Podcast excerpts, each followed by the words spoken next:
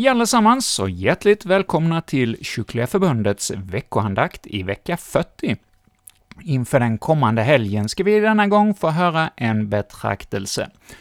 Antingen du lyssnar till oss i Växjö närradio på onsdagskvällen eller i Borås närradio på fredagskvällen eller vid något helt annat tillfälle på vår hemsida, Ja, eller kanske till och med i mobiltelefonen via en poddapp. Ja, där har du de olika möjligheterna att lyssna till vår andakt när du själv vill, eller när, om du inte har internet och vill lyssna på en speciell tid, ja, då har vi, du ju möjligheten i Växjö och Borås närradio. Och alla ni vad ni än lyssnar på och vilket sätt ni än hör, om ni hör oss denna veckan, eller kanske om något år på hemsidan, ja, alla är ni väl just du välkommen till denna sändning denna gång. Och vi ska nu få höra en betraktelse inför den kommande helgens tema med hjälp av Pekka Heikkinen som kommer att leda dagens andakt. Men innan vi lyssnar till Pekkas betraktelse så får vi sjunga med i salmen 333. Änglarna sjunger i himmelen. Ja, andakten och programmet denna vecka kommer att handla om tack och lovsång, och då passar det ju att tillsammans med änglarna i himmelen få lovsjunga vår Herre och Gud.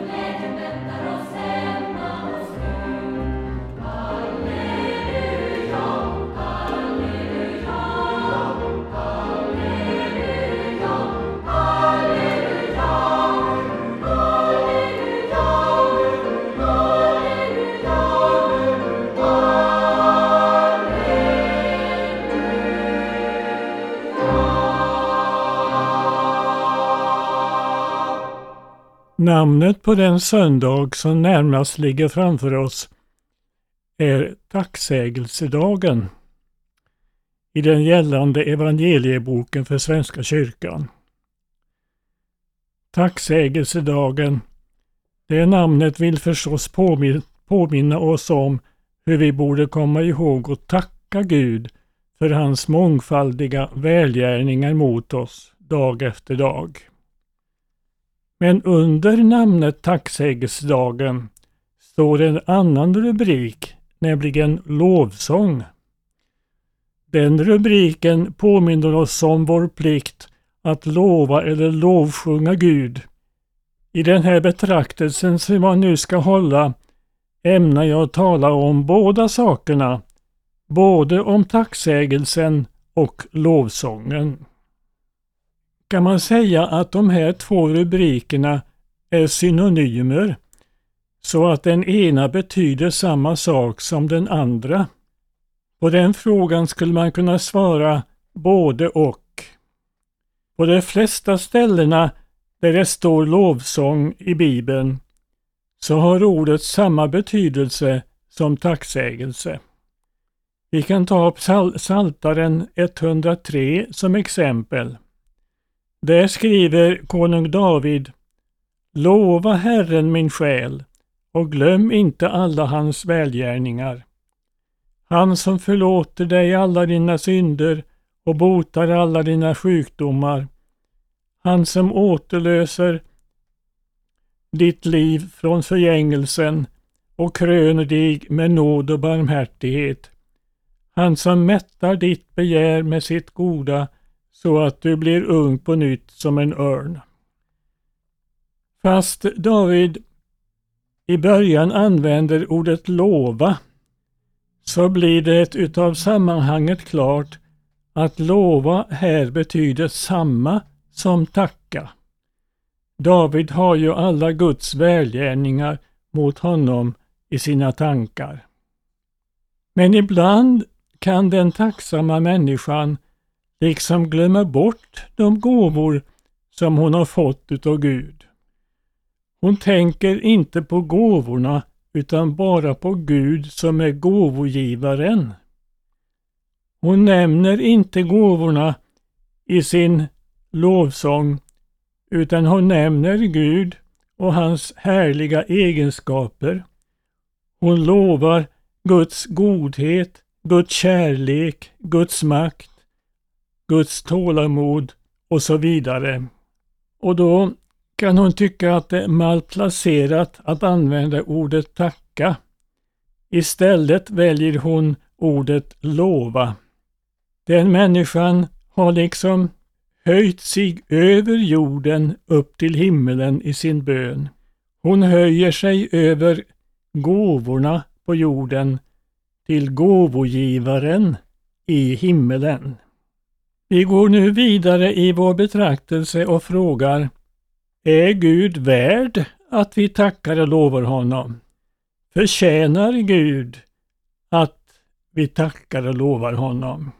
Den frågan besvaras väl bäst av vad Jesus en gång sa till sina lärjungar. Mig förutan kan ni ingenting göra. Den gången tänkte han nog särskilt på andliga ting. Det som Luther bekänner i sin förklaring av den tredje artikeln.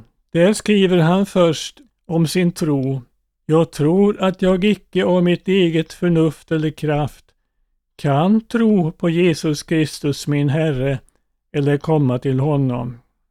Sedan förklarar Luther hur man får hjälp till tro på Jesus. Han fortsätter utan den helige Ande har kallat mig genom evangelium, upplyst mig med sina gåvor och helgat och behållit mig i en rätt tro. Men Luther går sedan vidare och bekänner att Guds ande inte hjälper bara honom, utan Guds ande hjälper alla som överhuvudtaget låter sig hjälpas. För så här fortsätter han sin förklaring av den tredje trosartikeln. Så som Guds ande kallar, upplyser och helgar hela kristenheten på jorden och behåller och bevarar henne hos Jesus Kristus i en rätt tro. Luther instämmer alltså med dessa ord i det som Jesus sa om oss när det gäller vår, vårt andliga liv. Mig förutan kan ni ingenting göra. Men om vi studerar Bibeln så finner vi att den sanningen inte bara gäller vårt andliga liv utan även vårt kroppsliga liv i alla dess dimensioner. Jag tar ett exempel från min egen vardag. När jag har vaknat på morgonen så tackar jag först Gud för att han har låtit mig sova så gott som jag brukar sova och att han under min sömn har låtit mig slippa hastiga sjukdomar, bränder och inbrott eller vad annat ont som helst som kunde hända om inte Gud hade bevarat mig så trofast. När jag först har tackat Gud så brukar jag stiga upp, ta av mig pyjamasen och klä på mig. Antingen mina vardagskläder eller bättre kläder beroende på om det är vardag eller sön och helgdag. Sedan lagar jag till min frukostgröt och tar fram olika mat ur kylskåpet. Jag kokar mitt kaffe och äter min frukost och lyssnar kanske samtidigt på ett eventuellt nyhetsprogram i radion. Om allt detta jag nu har räknat upp och allt som sedan följer under dagens lopp tills jag lägger mig på kvällen. Om allt detta gäller vad Jesus sa, mig förutan kan ni ingenting göra. Absolut ingenting. Utan Jesus och hans fader och den helige Ande ger oss nåd och kraft till det ena efter det andra under dagens lopp. Och om du som är min åhörare är överens, om det, överens med mig om det, då blir det lätt att svara på frågan Förtjänar Gud vårt tack och lov? Ja, naturligtvis gör han det. Nu fortsätter jag med en annan fråga. Brukar Gud få det tack och lov som han så väl förtjänar? Det rätta svaret på den frågan får vi när vi läser vad Jesus upplevde en gång på sina vandringar i det heliga landet. I Lukas evangeliets 17 kapitel står det På sin färd till Jerusalem tog Jesus vägen genom Samarien och Galileen. När han var på väg in i en by kom tio spetälska män emot honom. De stannade på avstånd och ropade Jesus, Mästare, förbarma dig över oss. Spetälska, det var en svår och smittosam infektionssjukdom som inte kunde botas på Jesu tid. De spetälska fick inte bo tillsammans med friska människor utan isolerades utanför byn och staden. Och för att folk inte skulle bli smittade utav dem så skulle de stanna på avstånd och ropa och varna de människor som de träffade på. Jesus han ömkade sig över dem och bad dem att gå och visa sig för prästerna som enligt Gamla testamentet skulle undersöka dess spetälska och eventuellt konstatera att deras spetälska inte var utav det allvarligaste slaget utan de kunde återvända till sina hem.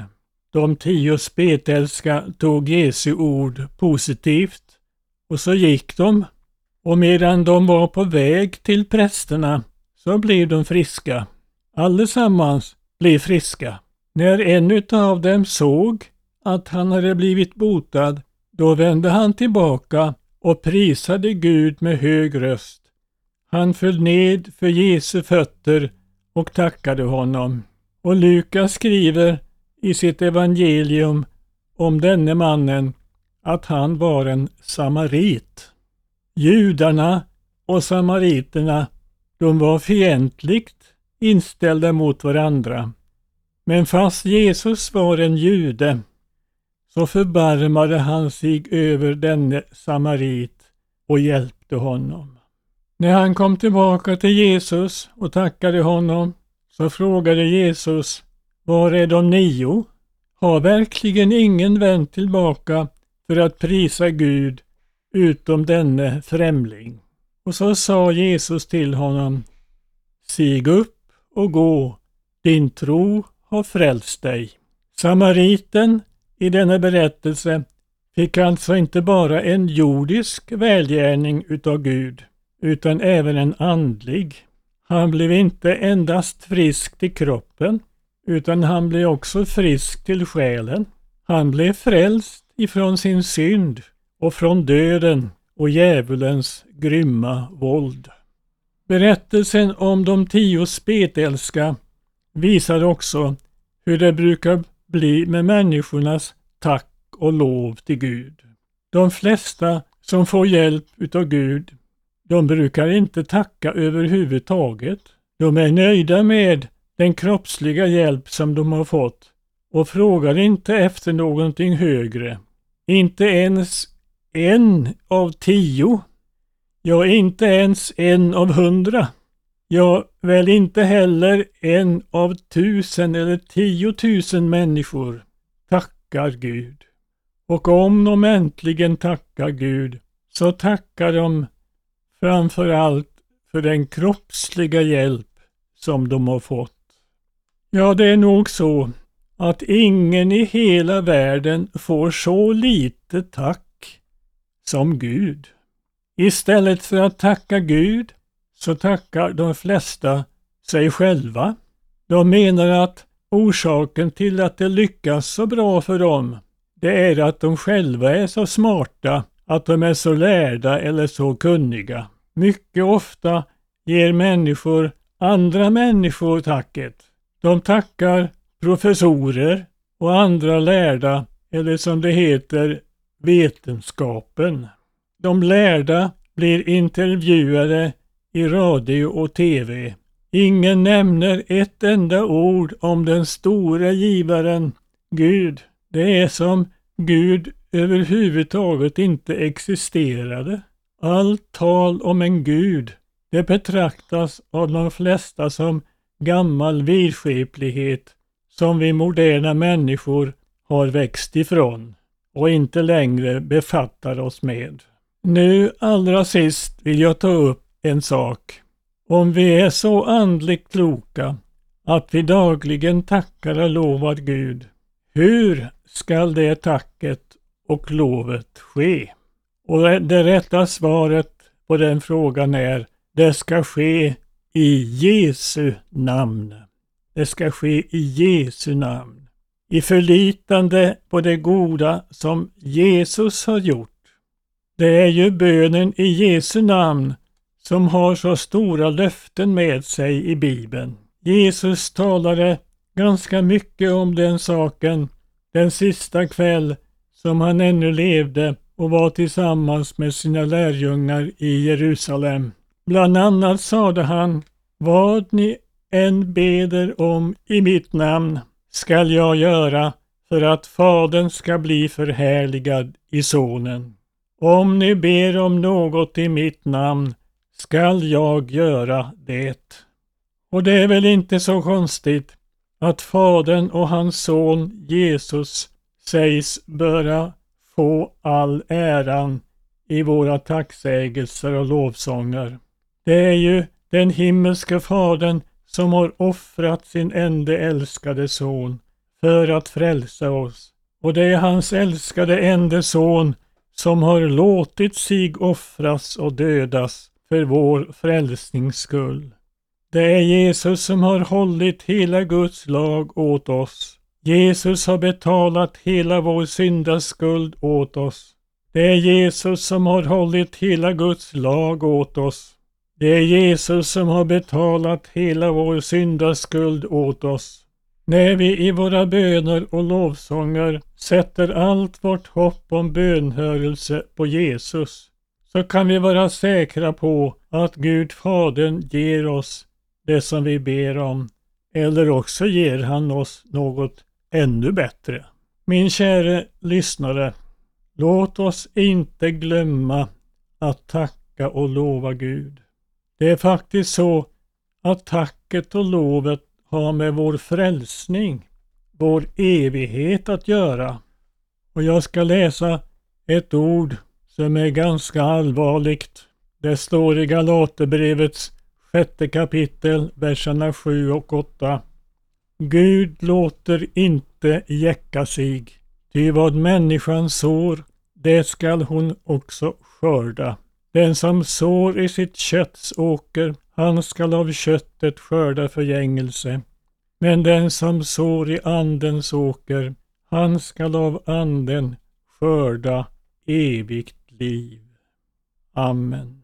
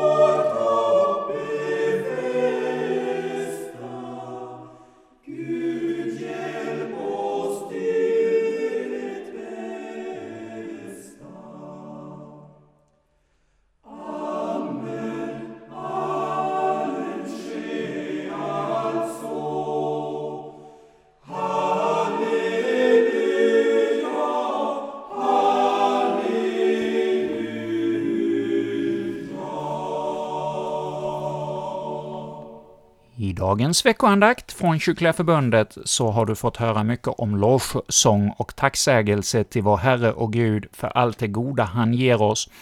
Och det var Pekka Heikkinen som ledde vår andakt, och andakten avslutades med kören från Tavelsjö i Norrland och Umeåtrakten där, som sjöng för oss salmen 336 i psalmboken, en psalm skriven av Martin Luther 1524.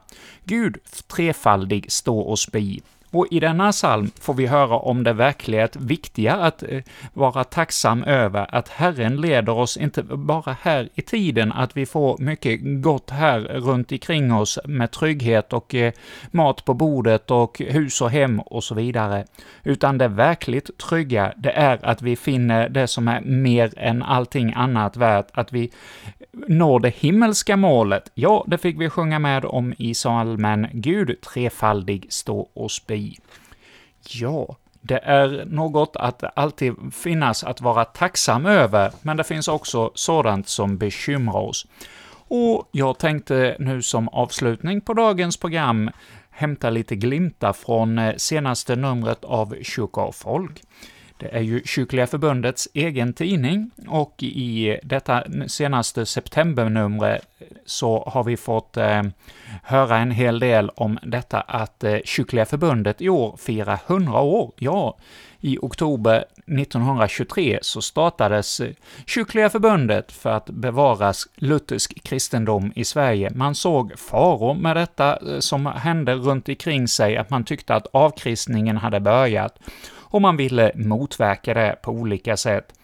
Och i eh, tillbakablicken från redaktören här i detta nummer för september så står det 100-årsjubileum, bör vi vara glada eller ledsna?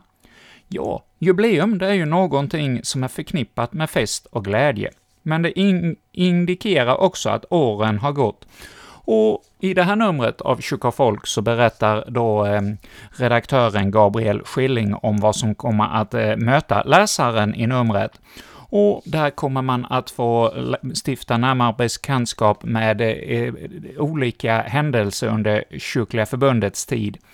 Det var redan så från början att eh, en redaktör eh, för en annan, helt annan tidning, en världslig tidning, Arbetet, där var det en redaktör som gick hårt åt Kyrka och Folks tillblivelse, och eh, det fick också sen ett svar i eh, Kyrka och Folk något nummer senare. Och detta kom, dessa båda artiklar finns att läsa i dagens Kyrka och Folk.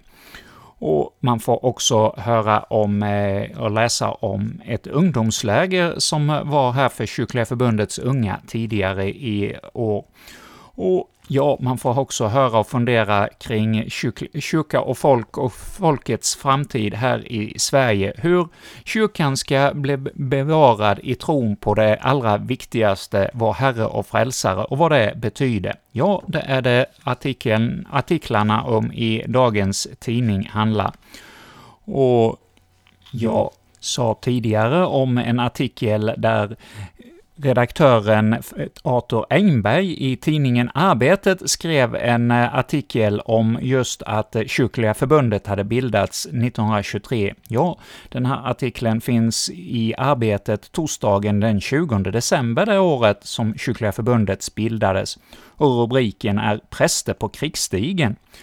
Ja, Engberg han eh, talar här om att det har kommit en eh, kamporganisation, som han kallar det, en stridsorganisation inom eh, Svenska kyrkan som vill bevara eh, den sanna tron, och han eh, går emot detta och tycker att vi måste fram i framtiden, ja, han som kallade sig hedning, men också hade varit kyrkominister i eh, regeringen, han eh, hade ju också haft stor inverkan på kyrkan, och det var väl det som var lite av utgångspunkten just för eh, Kyrka och folk och Kyrkliga förbundets bildade, att det var de strömningarna som han representerade som man, han, man ville gå emot.